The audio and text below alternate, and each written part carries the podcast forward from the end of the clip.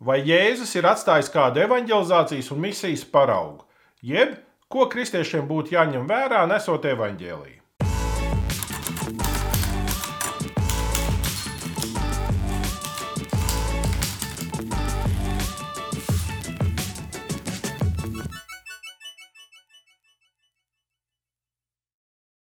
Ir tāds populārs jautājums, ko mēdz rakstīt uz grāmatzīmēm, uz rokas sprādzēm, uz uzlīmēm. What would Jesus do? Ko gan Jēzus darītu? Nu, nav jau tā, ka mēs šodien varam precīzi pateikt, ko gan Jēzus darītu. Tā ir tikai tāda mūsu iztēle, ko mēs domājam par šo tēmu, un tie cilvēku viedokļi mēdz arī atšķirties. Bet eh, cita lieta ir, ja mēs varam redzēt, ka Jēzus kaut ko tiešām ir darījis. Un par to es runāšu arī ar savu teoloģijas skolotāju, profesoru Ilmāru Hiršu. Kāda ir tā evanģelizācijas un misijas pieeja, kad mēs skatāmies Jēzus dzīvi un kā viņš runāja cilvēkiem? Sveiki, Ilmār! Sveiks, Pēter! Nu, prieks atkal tevi satikt un ka mēs eh, varēsim mazliet aprunāties. Šodien es piedāvāju tematu, ka mēs varētu runāt eh, nu, par Jēzu un, un, un, un misiju Eh, ir jau kaut kādi tie tradicionālie nu, panti, pa kuriem runā, nu, tā kā Mateja 28, vai ne? Ejiet un dariet par mācekļiem visas tautas. Ja, nu. Bet šoreiz eh, varbūt nedaudz no cita rakursa. Un, eh, un, kā jau es teicu, es būtu šajā reizē gribētu arī, ka tu tādu kaut kādu bišķi citu niansīti ieskicē.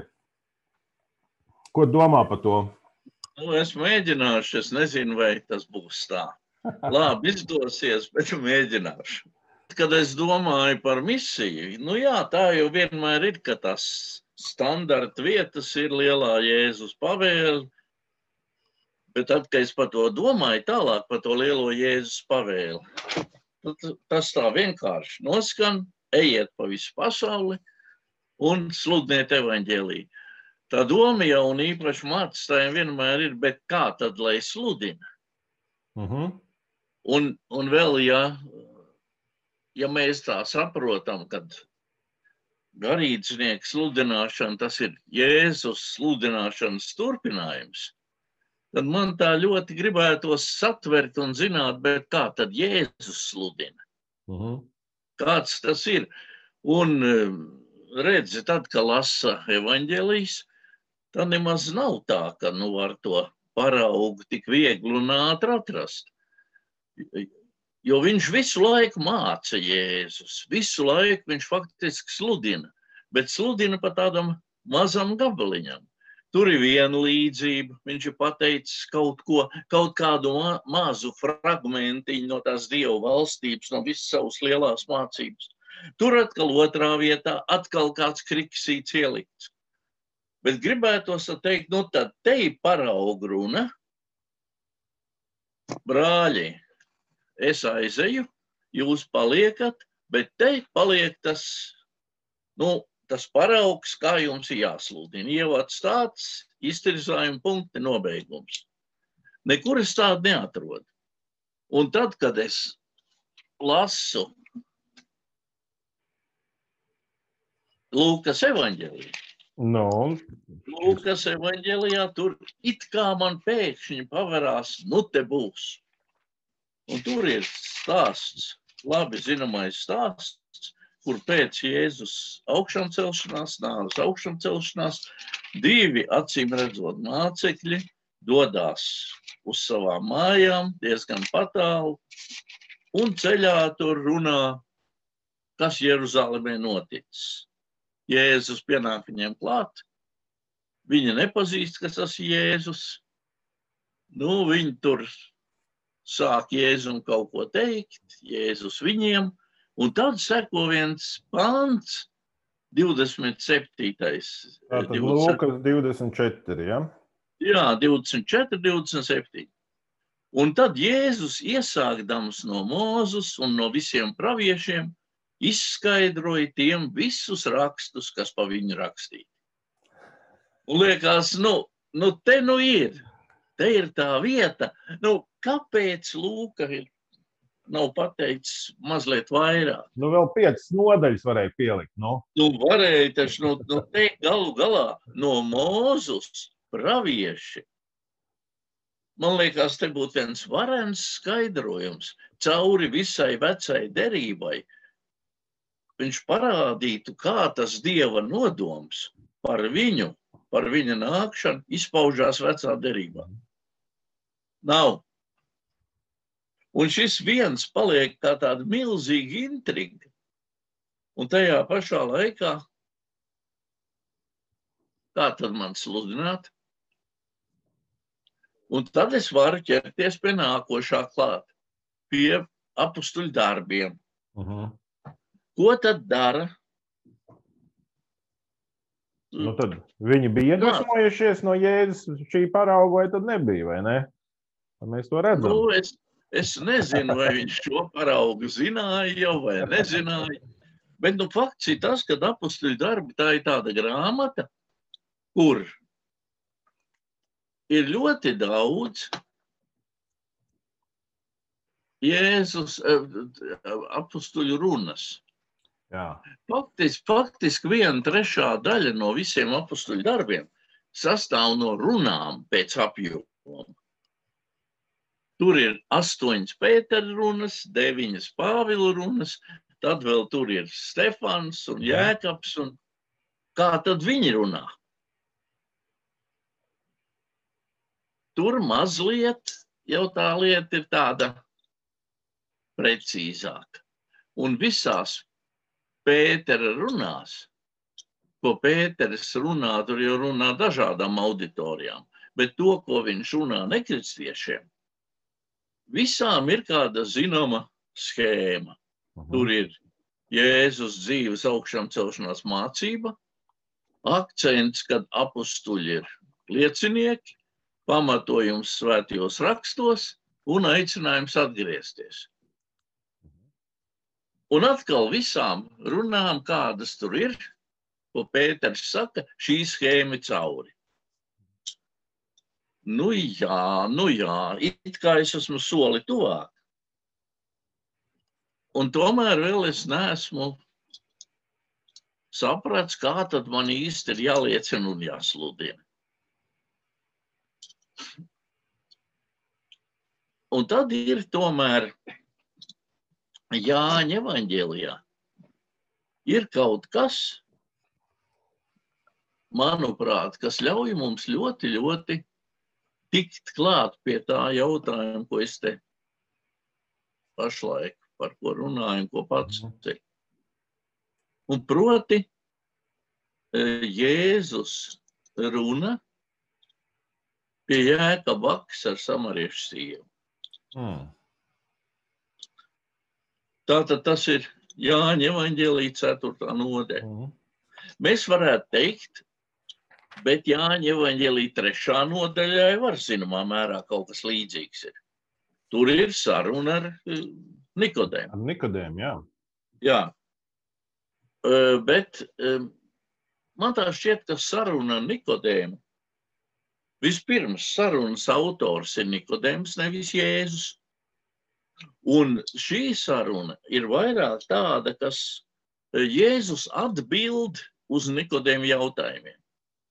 Nikodēms pie viņa ir atnācis ar jautājumu, Jēzus uz, uz tiem jautājumiem atbild, Nikodēms tur nāk vai nenāk, vairāk vai mazāk pie kādas uh, apjēgas. Un Jēzus atbild uz tiem jautājumiem. Bet, ja ir runa par samariešu sievu, tad te samariete nav iniciatora šai sarunai. Iniciators ir Jēzus. Jau no pašas ceturtās nodaļas sākuma ir teikts, Jēzum bija jāiet mm -hmm. caur Samariju. Viņš nekā nevarēja darīt. Mm -hmm tā sacīt, gars viņu piespiediet, pilnīgi nepareizi. Mm, vēsturiski neviens tur negāja cauri Samarijai. Viņiem bija naids, viņi viens ar otru nesagājās. Bet Jēzum bija jāiet. Un tad nu viņš ir Jēzus aizgājis, apsēdies piekusis pie akas, palicis viens. Tāds viņš tur ir. mācekļi aiziet iepirkties. Ir dienas vidus, karsts, pūkstens 12 pēc mūsu laika, Jēzus piekus. Bet vieta ir vēsturiska. Samarieši pārliecināti, ka tā jēga baka, tā tik tiešām šo aktu ir ierīkojis jēgabs. Dabīgs um, ūdens avots, izbūvēts ar vāku. Šodien visiem turistiem to rāda, kas tur vēlās e, Samarijā paskatīties. Dziļa aka, vajadzēja spaini nolaist ļoti dziļi. Nu, un tad pēkšņi nāk viena sieva. Kāpēc viņa nāk? Tajā ciemā, no kur viņa nāk, Zihārā, ir pašai savs ūdens avots. Kāpēc viņai vajadzētu nākt pusstundas gājumā, jēka baka, tā tad ir pusstunda ārā no šī ciema. Viskarstākajās vēlmē, pusdienas laiks nav tas īstais laiks, kad sievas nāk pie smelt ūdeni.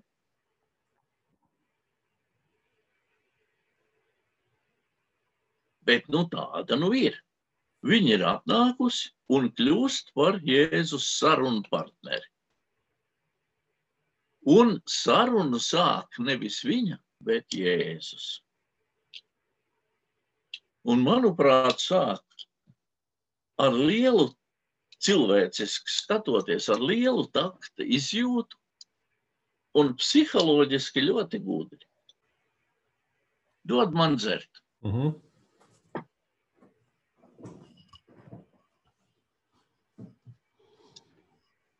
Nu, pavisam normāli tāda prasība. Cilvēks ir nokusis, piekusis.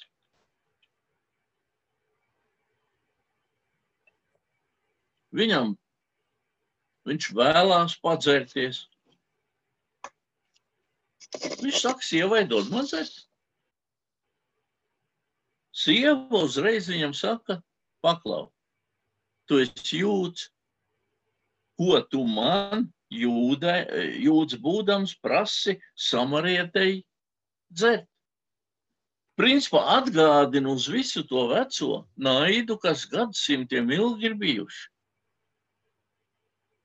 E, grūti pateikt, kā viņi uzreiz noteica, ka Jēzus ir jūds. Varbūt tas ir nu, pēc apģērba, pēc apģērba jūdiem tur bija tādi pušķi klāt pie apģērba. Varbūt tas no tā. Mums tā diezgan grūti ir pateikt, nav nekādas mums. Nu, bet mēs jau zinām, ka kāds ir kaut kur, eh, nezinu, varbūt no Sēlijas vai Latgales vai no Kurzemes. Nu, mēs jau to dzirdam valodā. Nu jā, varbūt pēc valodas. Varbūt pēc valodas. Bet katrā ziņā tā situācija ir tāda, ka ir sastapušās divas, var teikt, naidīgas nometnes. Vajadzētu būt naidam. Bet Jēzus atbild mierīgi. Ja tas būtu tikai viens jūts, tad tā lieta būtu pilnīgi savādāk. Bet Jēzus tas nav viens jūts. Un ar desmito pantu viņš pagriež to sarunu uz savu mērķi. Tātad iesākums it kā es ir tāds, nu, ikdienišks. Un tomēr šajā ikdieniškajā sarunā tiek pagriezts uz mērķi. Nevis uzreiz, kad tur tā sieva atnākusi, tad viņš uzreiz, nu, paklausies, nu, tad es sākšu tev savu mācību. Nē, no ikdieniška iziet uz tā gudri, psiholoģiski uz mērķi. Jēzus ir saskatījis šīs sievas dvēseli, viņas iekšējo vajadzību, bet tai sievai pašai vajadzētu nākt pie atziņas, un jāsaprot un jāatzīst to savu iekšējo vajadzību. Sievai vajadzīgs kļūt par lūdzēju. Un Jēzus to sarunu ved tā, lai tas viņa sarunu partneris saprot un pats kļūst par lūdzēju. Redz, man šķiet, ka mēs bieži vien cenšamies tam otram kaut ko ieborēt. Mēs cenšamies pārliecināt, iestāstīt. Mums neko nevajag iestāstīt. Mums vajag vest, lai tas cilvēks pats saprot to savu vajadzību. Un Jēzus vēl neko tuvāk nenorāda uz šīs dāvanas būtību. Viņš saka, ja tu zinātu par Dievu dāvanu, mhm. un kas ir tas, kas tev saka, tad tu būtu lūgusi viņu jau. Viņš nenorāda, kas tas ir. Viņš tikai lieto piemērus um, par ūdeni un slāpēm. Ko nozīmē tas termins dzīvais ūdenis? Tas bija Palestīnā labi zināms apzīmējam savu ūdenim, pretstatā cisternu ūdenim, kas tika saglabāts, tad, nu, avot ūdens tecēji, tas bija dzīvs. Mhm. Bet Jēzus šeit ieliek jaunu jēgu. Un te atkal es varu mācīties, ka tajā, ko mēs redzam apkārt, tā ir visa Jēzus sludināšanas būtība. Viņš ņem kaut ko pavisam vienkāršu, pavisam cilvēkam zināmu, un ieliek tur to savu īpašo jēgu iekšā. Sieva tāpat kā Nikodējums iepriekšējā sarunā saprot visu burtiski.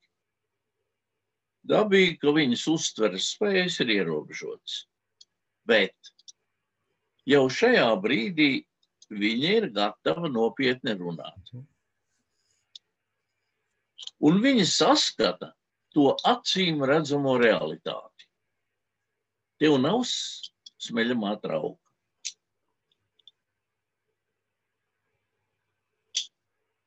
Zināmā mērā viņu mazliet kaitina. Ko tas jūtas te apsēdies tur tā? Diezgan uzpūtīgs ir. Vai tu esi lielāks par mūsu tēvu jēkabu?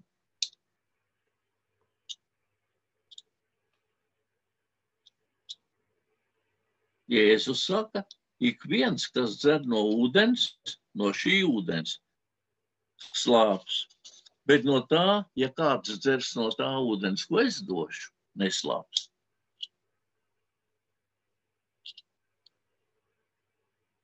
Faktiski tas ir, ja mēs salīdzinām ar to uh, sarunu ar Nikodēmu, faktiski tas ir tas pats. Tikai šoreiz ir līdzība par ūdeni. Mhm.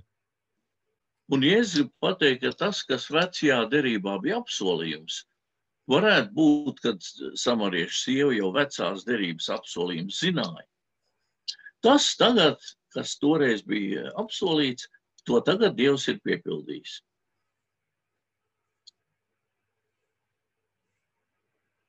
Ka tas ūdens, ko Jēzus dod, tā ir šī jaunā laikmeta dzīvība. Sieva saprot tikpat maz kā Nikodējums. Viņa nespēja aptvert, ka runa ir par svētā gara ūdeni. Viņa joprojām domā par tā cilvēcisko vajadzību apmierināšanu tātad materiālās kategorijās. Bet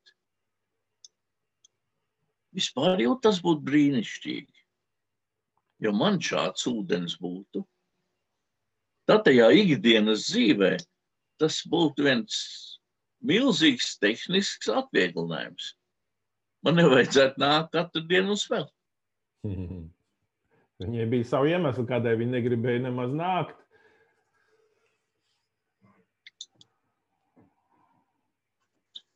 Bet man liekas, ka šajā vietā, šajā brīdī, tā interesantākā šajā pantā ir uzruna 15. pantā. Kungs. Mm -hmm. Re, ir notikusi kāda izmaiņa. Te bija, ko tu jūti būdams, ar zinām tādu ironiju, ar zinām neiecietību. Te ir kāda cieņas pilna uzruna. Kungs. Viņi neko vēl nesaprot. Bet kaut kas tajā cilvēkā ir mainījies. Un viņi sāk ievērot Jēzu kaut ko lielu. Un šeit es domāju, atkal viena liela pamācība, kas derētu priekš mūsu sludinātājiem. Kas tagad būtu jādara šajā brīdī? Ko mēs darītu? Es nezinu, ko tu darītu.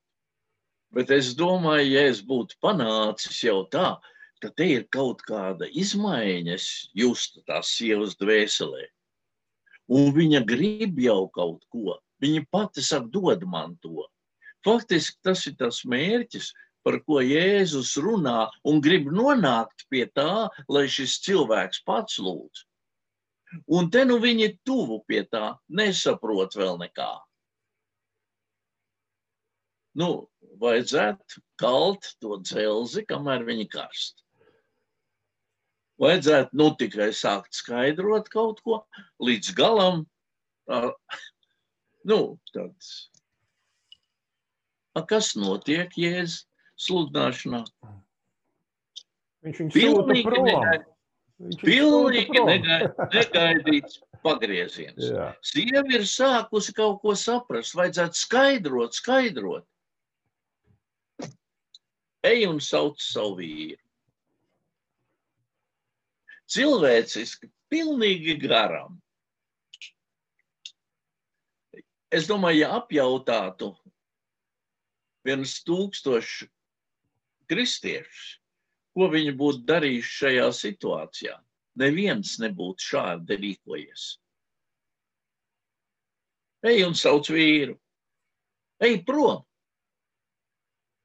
Bet faktiski, ja tā dziļāk ieskatās, Jēzus brīnišķīgi vada to sarunu tālāk. Un šī pavēle nav atrauta no sarunas būtības. Un, manuprāt, tieši šī pavēle ir šīs sarunas centrs, kas ved sievu tālākā izpratnē. Viņai ir jāsaredz savas dzīves īstenība.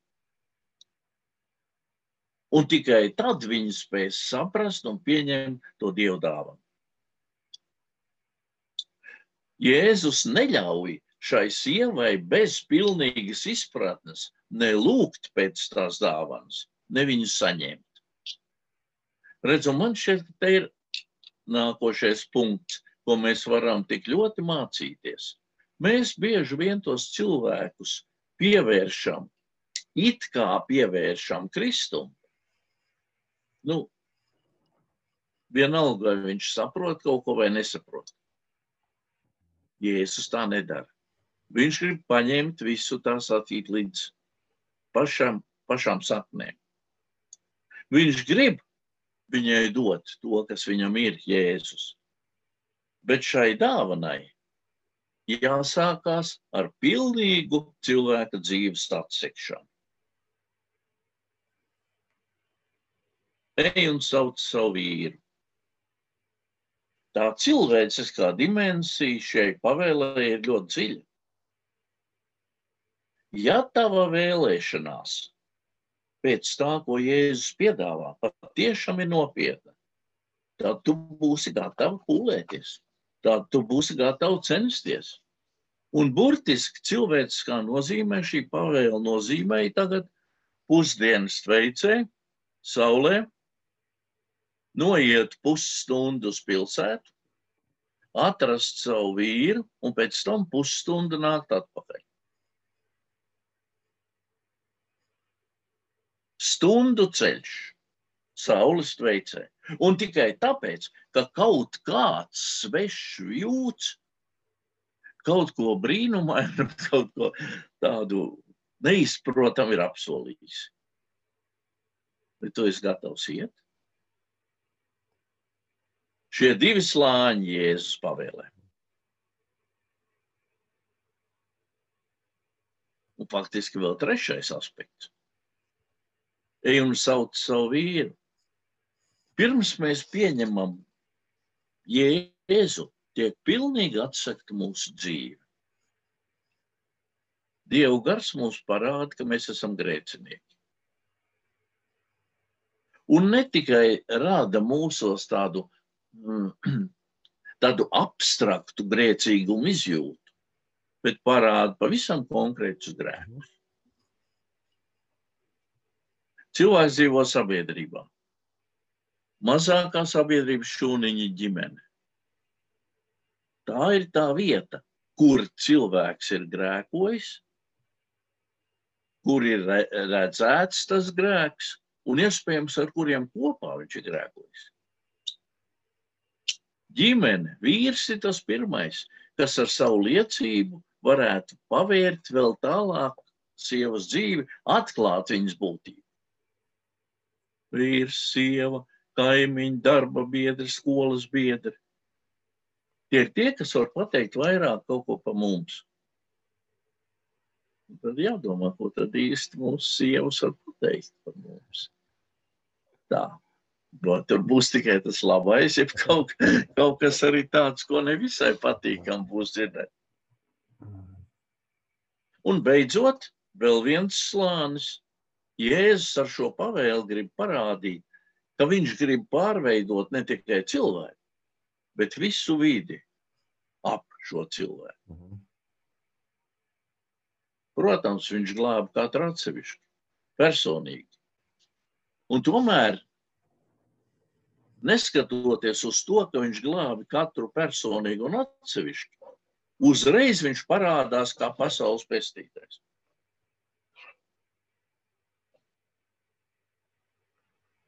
Tā kā ar šo pavēli man šķiet, ka tā ir viens no tādiem pagrieziena punktiem šajā sarunā ej, sauc savu vīru. Un viņš ir pieskāries vissāpīgākajam punktam. Un sieva atbild ar tādu puspatiesību. Īsi, it kā gribu kāpties atpakaļ. Varbūt viņi vispār šajā brīdī nožēlo, ka sarunā iepinusies. Viņa pasaka, man nav vīru. Tā ir tāda puspatiesība. Faktiski viņi grib kaut ko noslēpt. Jēzus iet vēl viens soli tālāk un atsedz pilnīgi sievas dzīvi. Viņš iet līdz galam, līdz mūsu dzīves pamatam. Viņš nenodarbojas tikai ar tādu reliģisko pārbūvi, pārveido pašu dzīvi. Sieva grib aizbēgt atpakaļ tumsā ar savu puspatiesību. Jēzus neļauj. Un atkal viņš nesaka, ko tu melo. Viņš redz, ka tieši šajos vārdos man vīri nav ir aps, apslēpts tas sievas posts. Bijušas jau piecas laulības. Atkal un atkal viņi meklējas vīru un drošību, mīlestību, savus dzīves piepildījumu. Mēs neko nezinām par šīm piecām laulībām. Varbūt tie vīri viņu padzinuši. Un nu, un nu viņi dzīvo ar kādu kopā, kas oficiāli nav viņas vīrs. Mēs teiktu, tā ir civila laulība. Pret jūdu likumiem viņa nogrēkojusies. Ceturtā, piektā laulība jau bija aizliegta likuma.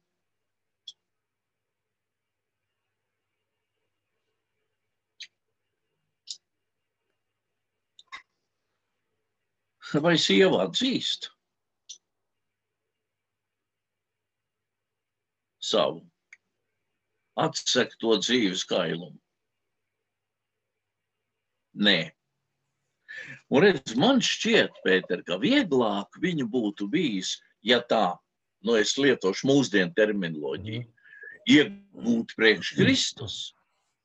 Tajā brīdī, pirms Jēzus teica, ej un sauc savu vīru, tur viņu vieglāk būtu. Jā, nāc, dzīvais ūdens, es tev vēl kaut ko paskaidrošu. Un viņi teikt, jā, viņi jau bija tuvu gatavībai. Šeit viņi ir krietnes soļus prom no tā visa. Viņa vairāk, viņi gribētu atkāpties. Viņi neatzīst savu grēku. Un seko kārtējais negaidītais pagrieziens sarunā. Tu esi pravietis. Re, jūts, kungs, tagad pravietis. Viņi neatzīst savu grēku, bet paceļ dogmatiskus jautājumus. Tas lielais jautājums starp jūdiem un samariešiem. Tā tad viņi vairs nerunā par sevi, bet runā par vēsturiskām jūdu un samariešu attiecībām. Tas ir pareizā Jēzus pielūgšanas vieta. Jeruzalem vai Garicim kalns. Kas ir trīsvienība? Es jau pārgāju uz mūsu laiku. Tā ir klasika. Jā, Un, tā un, ir. un, un Latvijas tā ir- situācijā, protams, neaizmirsīsim par uh, 700 gadu vēsturi, par krustnešiem, kas nāca pa bīskapu Albertu, vai ne? To arī vajag piesaukt. Tieši, tieši tā, un tad mēs vēl saliksim kopā, jā, bet um, Muhamedāņi tic arī vienam dievam, un kurš tad no dievs ir īstais, redz, un pārējām no personīgām attiecībām, no, eh, no tā, kas ir mans, es ar savu grēku, ar savām vajadzībām, ar savu nevarēšanu, mēs pārējām uz teoloģisku spriedelēšanu. Un tā ir viena no lielām bēdām šodien. Ne tikai tad, kad mēs runājam ar nekristiešiem, bet arī tad, kad mēs runājam ar kristiešiem un domājam par savu svēttapšanu. Tad uzreiz mēs nezinām, kāpēc iedomājamies, ka svēttapšana ir saistīta ar mūsu teoloģisko izglītību. Mums jāatrisina nezkādi neatrisinām jautājumi par izredzētību un tā tālāk, un kurš nu ir pareizākais un kurš nepareizākais. Kā lai saprotam šeit šo pagriezienu šajā sarunā?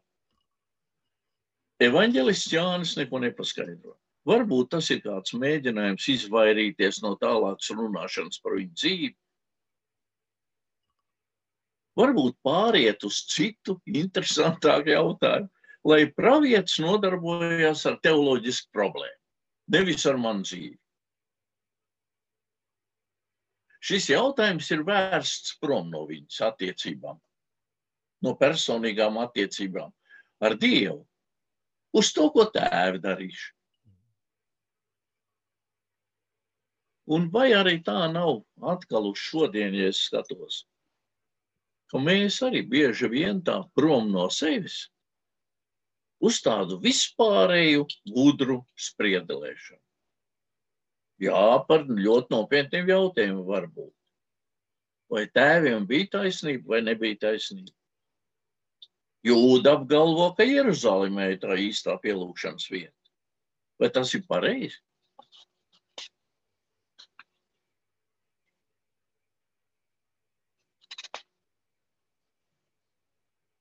Kur tad galvā mums, ir jāceļo uz Jeruzalemi, lai pielūgtu Jēzu vai Dievu? Ja mēs varam tepat. Un atkal, Jēzus atbild, iet pāri šim vēsturiskam strīdam. Vispirms Jēzus saka, tici man.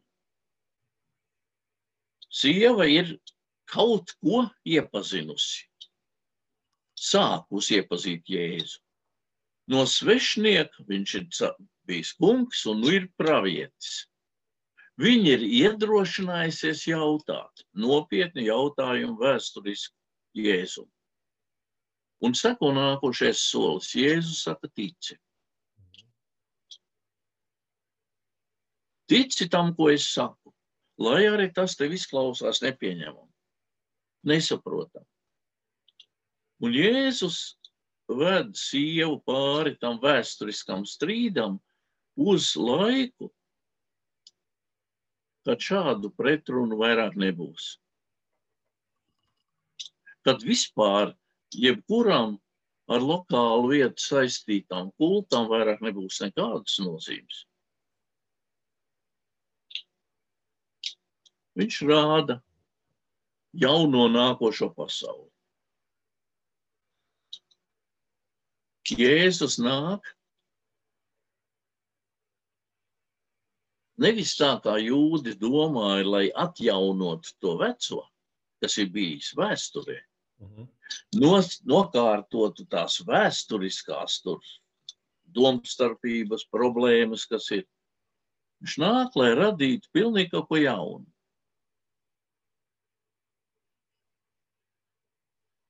Pielūkšana gan Jeruzalemē, gan Samarijā, tas visu laiku bija un tas bija diezgan. Bet Jēzus neatrod tajās pielūgšanas vietās patiesas dievlūdzējas. Templis pārvērsts par tirgus laukumu.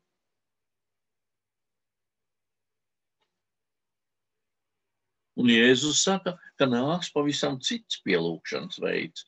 Man, tad, kad es lasu šo te Jēzus evanģelizācijas izskaidrojošo svētrunu, ja tā gribētu teikt, tad man šķiet, ka katrs teikums te ir tāds, ko mēs varētu saistīt ar šodienu un mūsu problēmām. Kāda, kāda ir mūsu dievkalpošana šodien? Pielūgšanas vietu daudz, bet kā to galveno pielūgšanas vietu? par to dievkalpošanu.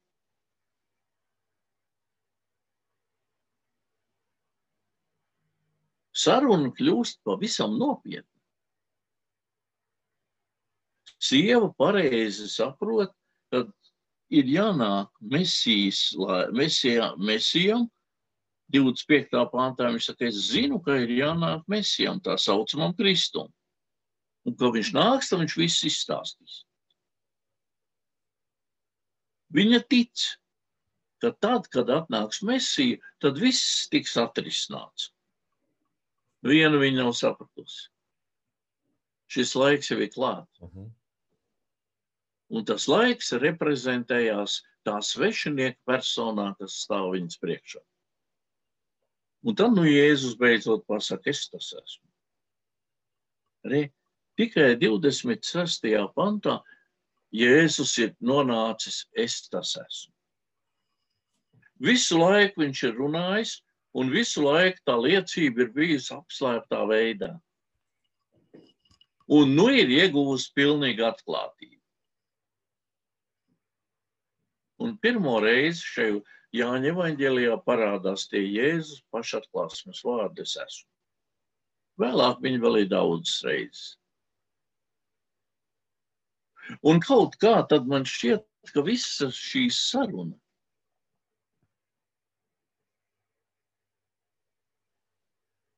nu, tiešām rāda mums tos, kur mēs varam kļūdīties. Mēs varam aiziet teoloģiskos spriedelējumos. Mēs varam aiziet tādā vieglā evanģelizācijā.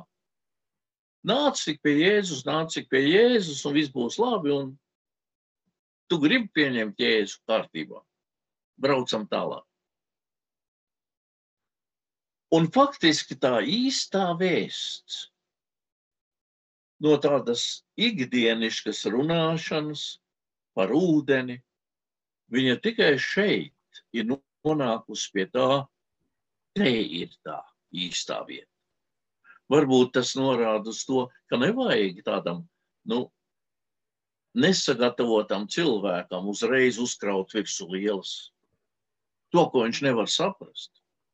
Ehm, pirmā pētera vēstule, tā tur runā par eh, garīgiem zīdaiņiem, ka viņi ir jābaro ar pienu. A, kas tad viņus baros ar to pienu? Apkārtējie. Viņš jau pats nevar izšķirt piens vai ne. Viņš sagrūdīs mutē tur nezinu kādus zīriņus vai vēl kaut Un tad nu, pie, šīs, ša, pie šīs sarunas ir vēl viens punkts. Saruna tiek pārtraukta. Atnāk mācekļi. Mhm. Atkal vienā tādā punktā, ka mēs nezinām faktiski kādu iespaidu uz sievu atstāja Jēzus vārdu, bet pavisam nelaikā atnāk mācekļi. Un mācekļiem acis lielas. Atstāja Jēzu vienu. Un te atrod Jēzu runājam ar sievieti. Rabīni nosodīja katru sarunu ar sievieti. Rabīni uzskatīja, ka tas ir erotisks kārdinājums. Dievbijīgam vīram jāizvairās no tādām sarunām. Sieva aizbēga. Un nu sākās pilnīgi cita daļa, kur Jēzus runā ar mācekļiem. Par pļāvējiem, par pļaujas laiku un tā tālāk. Bet 30. pantā pēc šī iesprauduma, kur Jēzus runā ar mācekļiem, stāstījums turpinās. Tā sieva tur savā ciemā līdz galam vēl nesapratusi.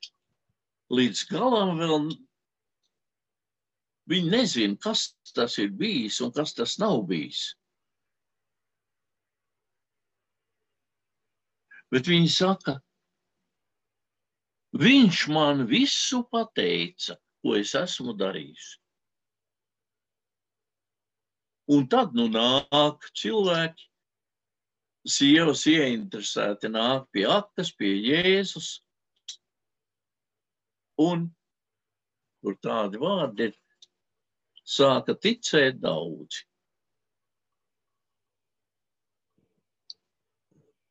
tā vienkāršās, grēcīgās, neievērotās sievas liecība. Faktiski ne jau Jēzus liecības dēļ nāca tie daudzi. Tās vienkāršās, grēcīgās sievas dēļ. Nu, redz, man liekas tā, ka šī saruna ar samariešu sievu, tā ir tāda tik daudz šķautņaina Un tajā pašā laikā uh, viena no tādām garām Jēzus virzītām, tādām apzināti virzītām, nevis atbild uz kādu jautājumu, mhm. nevis norādīt, redzat, tas tā kā tur laukā, tāpat arī jums būs. Bet gara mērķtiecīgi virzīta saruna kura vairākos punktos, vairākos brīžos uh, atšķirās no tā, ko mēs saprotam. Par. Man liekas, daudz vajadzētu mācīties no tiem. Ka nevajag tā, kā cirvis skriet virsū un bah, nevajag ar tām gudrām teoloģiskām domām, Bet viena no lietām, nu, ko mums arī nevajag nereāli domāt, ka mūsu sarunas ar cilvēkiem, eh, nu, jēzus, te ir viena saruna, viena kaut kāda epizode, nu, ka mums arī tā būs, nu, viena saruna dienā un pasties kāda rezultāta, kāda uh, ietekme vai ne. Eh, bet tie soļi, tā secība, es domāju, nu, tas ir ko ņemt vērā. Uh, tur to, to vajag uh, arī, nu, nu, pēc tā, es domāju, arī vadīties, jo cilvēks jau, jau nav gatavs neko sadzirdēt, ja tu neatrodi viņu kaut kādu kopīgu sazobu un to kopīgo platformu. Tas jau tas pats kā apustulis Pāvils, vai ne, ka viņš arī aiziet kaut kādā jaunā pilsētā, jaunā vietā, jaunā kultūrā. Viņš jau skatās, kur ir tie kopīgie tie sazobes punkti, vai ne, pa ko viņi var runāt un kaut kādu kopsaucēju atrast un no tā tad kaut kur tālāk virzīt to sarunu. Nu, jā, bet Pētera apstuļu darbos aprakstītās Pētera runas un tie principi, kā tie punkti, kā viņš viņus veido, e, nav tik psiholoģiski iejūtīgi, teiksim tā. Tur ir vairāk uzreiz, bah, jūs esat Jēzu nogalinājuši uz jūdiem, ka viņš tur runā uz tautu, bet uh, Dievs viņu ir uzmodinājis. Bet te jau ir tā lieta, ka varbūt tas arī norāda uz to, ka tīri tādā arī draudzes kontekstā, kuri ticīgie, kuri rakstus zina, bet nevienmēr dara, tie varbūt arī reizē var vajag bišķi tā tiešāk pateikt. Bet samariešu sievu, viņa ir tomēr cita nedaudz kultūra un, un nedaudz tas reliģiskais uzskats. Tur ir jāiet no, ar tādu mieru un to sazobu mēģinot atrast, vai ne? Nevis tad, kad tu jau pie saviem, tu jau runā savādāk. Un es domāju, tas jau ir normāli, ka tiem, kas kaut kādā veidā saka, mēs esam kristieši, mēs vienā veidā komunicējam, un tiem, kas saka, nu, mēs tādi neesam, nu, savādāk. Jā, es tikai domāju, ka nē, nekādā ziņā jau nevar kopēt kādu vienu principu, mm. vienu sarunu, bet es domāju, ka šeit var ievērot principus un var ievērot to garu. Mm -hmm. Un tajos principos nu, varētu likt pa punktiem viens, divi, trīs, četri, ko mums vajadzētu ievērot tomēr. Kaut vai to pašu uh, principu, ka nevajag piedāvāt cilvēkiem lētu kristietību. Mhm. Kad kristietības būtība sākās ar cilvēka um, iekšējās pasaules atklāšanu. Un tas ir svarīgi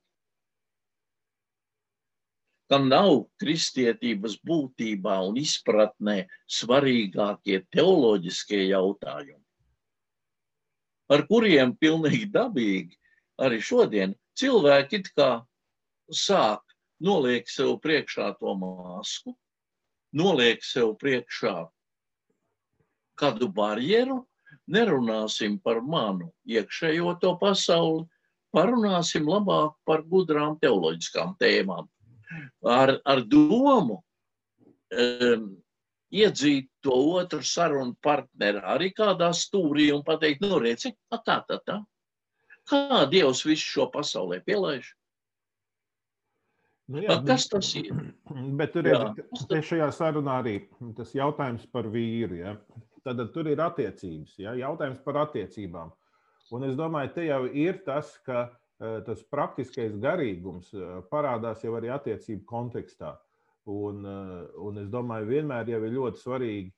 Viena no lietām, kuras redzu vismaz arī Latvijā, tas tāds baznīcas vājums ir bijis, ka labi ir svētdienā tas dievkalpojums, nu, ir vēsturiskās baznīcas ar lielām ēkām, ir kaut kādas jaunmodīgās, kuras ir varbūt 20 gadu atpakaļ kaut kādā ēka iegādājušās, tur mazāk telpa, bet kaut kāds tas svētdienas dievkalpojums. Nu, tad sanāk un sapucējās cilvēki, bet, bet kur tad ir tā praktiskā ticības ikdiena, kā viņi notiek? Kur ir tie cilvēki, kas tevi pazīst un ko tu pazīsti, un kur jūs viens otru varat vai stiprināt, vai konfrontēt, vai uh, iedrošināt, vai kaut, kaut kur piebremzēt? Nu, uh, Tas jau arī ir svarīgi, tie, kā šis garīgums manifestējas ikdienas dzīvēm. Es domāju, ka mēs vēl esam ļoti tālu no tā, kas Bībelē rakstīts, izsūdziet cits citam savus grēkus. Mēs labāk parunāsim cits ar citu par prāta jautājumiem, nevis par sirds. Bet pie tās sarunas vēl man šķiet interesanti arī tas, ka lai arī Jēzus dod pavēli saukt savu vīru, tas vīrs nekur neparādās. Mhm. Ka faktiski tajā sarunā eh, reāli tā vīra nav. Un tā pavēle tikai tā sacīt atklāja to sievas būtību. Sieva tiek nu, konfrontēta ar šo savu dzīvi un ar savu vīru. Mhm man tas kārdinājums ir pazīstams, eh, ko tu saki, ka gribās jau varbūt eh, pie pirmām eh, kaut kādas atvērtības pazīmēm jau kaut kādā, nu, nu, to, to, nu, to atzīmēt, nosvinēt vai kaut kā tā. Un, un es atceros, kā jauns sludinātājs, kā vienā reizē man bija tā, ka pat, nu, es to teiktu, ka man pat dievu gars nu, apturēja un, un, un, un, un kaut kādā, ka es jau gribēju jau, jau, jau virzīties uz to, lai to nosvinētu Eh, un, un, un, un tas rezultāts bija tas, ka vēlāk cilvēks pats saprata, ka viņam ir jāiet dziļāk. Nevis, ka es tur, tur tagad kaut kādā veidā, bet un pēc tam tas cilvēks, ko tādu pašatklāts, viņš saka, paklau. Ko Dievs man rādīja, ko Dievs man mācīja. Viņš pēc tam pēc kaut kāda laika posma stāsta, un tie procesi varējuši notikt daudz dziļāk, daudz īstāk. Un es domāju, nu, tā ir viena lieta, ko arī varbūt tas nāk ar kaut kādu dzīves pieredzi un garīgu pieredzi, ka mēs ļaujam tiem dieva vadītajiem procesiem cilvēku sirdī notikt un, un briest. Nevis uzreiz jau plūktu auguru, kamēr zaļš. Nu jā, bet tas jau ir tāds, nu, gribās jau noplūkt. Nu, kārdinājums ir, protams. jā, protams. Jā, jo tas jau ir atkal daudzu garīdznieku tieši. Ja viņš visu mūžu strādājis, un viņš nav varējis redzēt šo ļaušanas procesu, tad tas arī viņam tā grūti ir. Psiholoģiski nospiež. Jā. Bet, bet no tās lētās kristietības, no tās mums ir tomēr jāmēģina izvairīties. Un jāļauj ne tikai, lai tas dieva gars vada to otru, bet lai mani vada. -hmm. Un tas ir pats galvenais, lai es nepateiktu par daudz, lai es nepateiktu par maz. Tas veids, kādā es runāšu. Jo šeit nav nekādu tādu formulu, nav algoritms, ko mēs pateikt, vispirms tev tas, tad tas, tad tas. Katra saruna un katrs cilvēks ir pilnīgi savādāks. -hmm. Un arī atšķirīgā dzīves posmā. Un, eh, Protams. Te ir tā lielā dieva gudrība, uh, saprast un, ju, un just. Un, un tas ir, man liekas, vairāk nekā tikai emocionāla inteligence. Tur tiešām ir tāda uh, Dieva atklāsme, nu, līdzīgi kā apakstuļu darbos, mēs redzam, ir kaut kāda brīža, kad apakstuļiem Dievs deva kaut kādu redzējumu nu, par kaut kādu situāciju vai cilvēku, nu, kas bija ārpus no viņu spējas zināt, vai ne, bet tomēr viņi e, tur varēja nu, to konfrontēt. Eh, Apustuļ, kad apustulis Pāvils iet cauri Mazāzijai, iet ar mērķi sludināt. Brauc nevis ar mašīnīti, iet ar kājām. Tas, kas tur uzrakstīts kaut kur vienā pantā, ir tas ir dienas, nedēļas, mēneši. Un vīrs, kam sirdī deg evanģelizācija, un dieva gars viņam neļauj sludināt. Nu, galīgi garam. -hmm. nu, vajag taču izmantot to cilvēku, nu, lai viņš sludina, lai iet. Nu, vai tad būs slikti, ja viņš iedams tur uz turieni kaut kur nu, sludinās šī ciemā arī? Un Dieva gars viņam neļauj sludināt. Un es varu iedomāties, es nevaru iedomāties, bet es domāju, ka katrā ziņā tam vajadzēja būt kaut kādam iekšējam Pāvila milzīgam pārdzīvojumam. Kas te notiek? Kas ir ar mani? Kāpēc Dievs man neļauj? Es kaut ko daru nepareizi. Jā, jā, tie jā. šaubu brīži un tāda pārkalibrācija jau ik pa brīdim notiek. Jā. Bet galvenais, ko mums mēs tur varētu mācīties, ir tas, ka nevis mēs esam tie, tie darītāji, tie darboņi, vai ne? Mēs esam darbarīki Dieva rokās. Mm -hmm. Un ar to tad arī vajadzētu iet, kungs, kas man ir jāizdara. Kur, kur te ir mana, mans uzdevums? Nevis man jau viss ir zināms, es eju un tikai. Mm -hmm, jā, jā. Mm.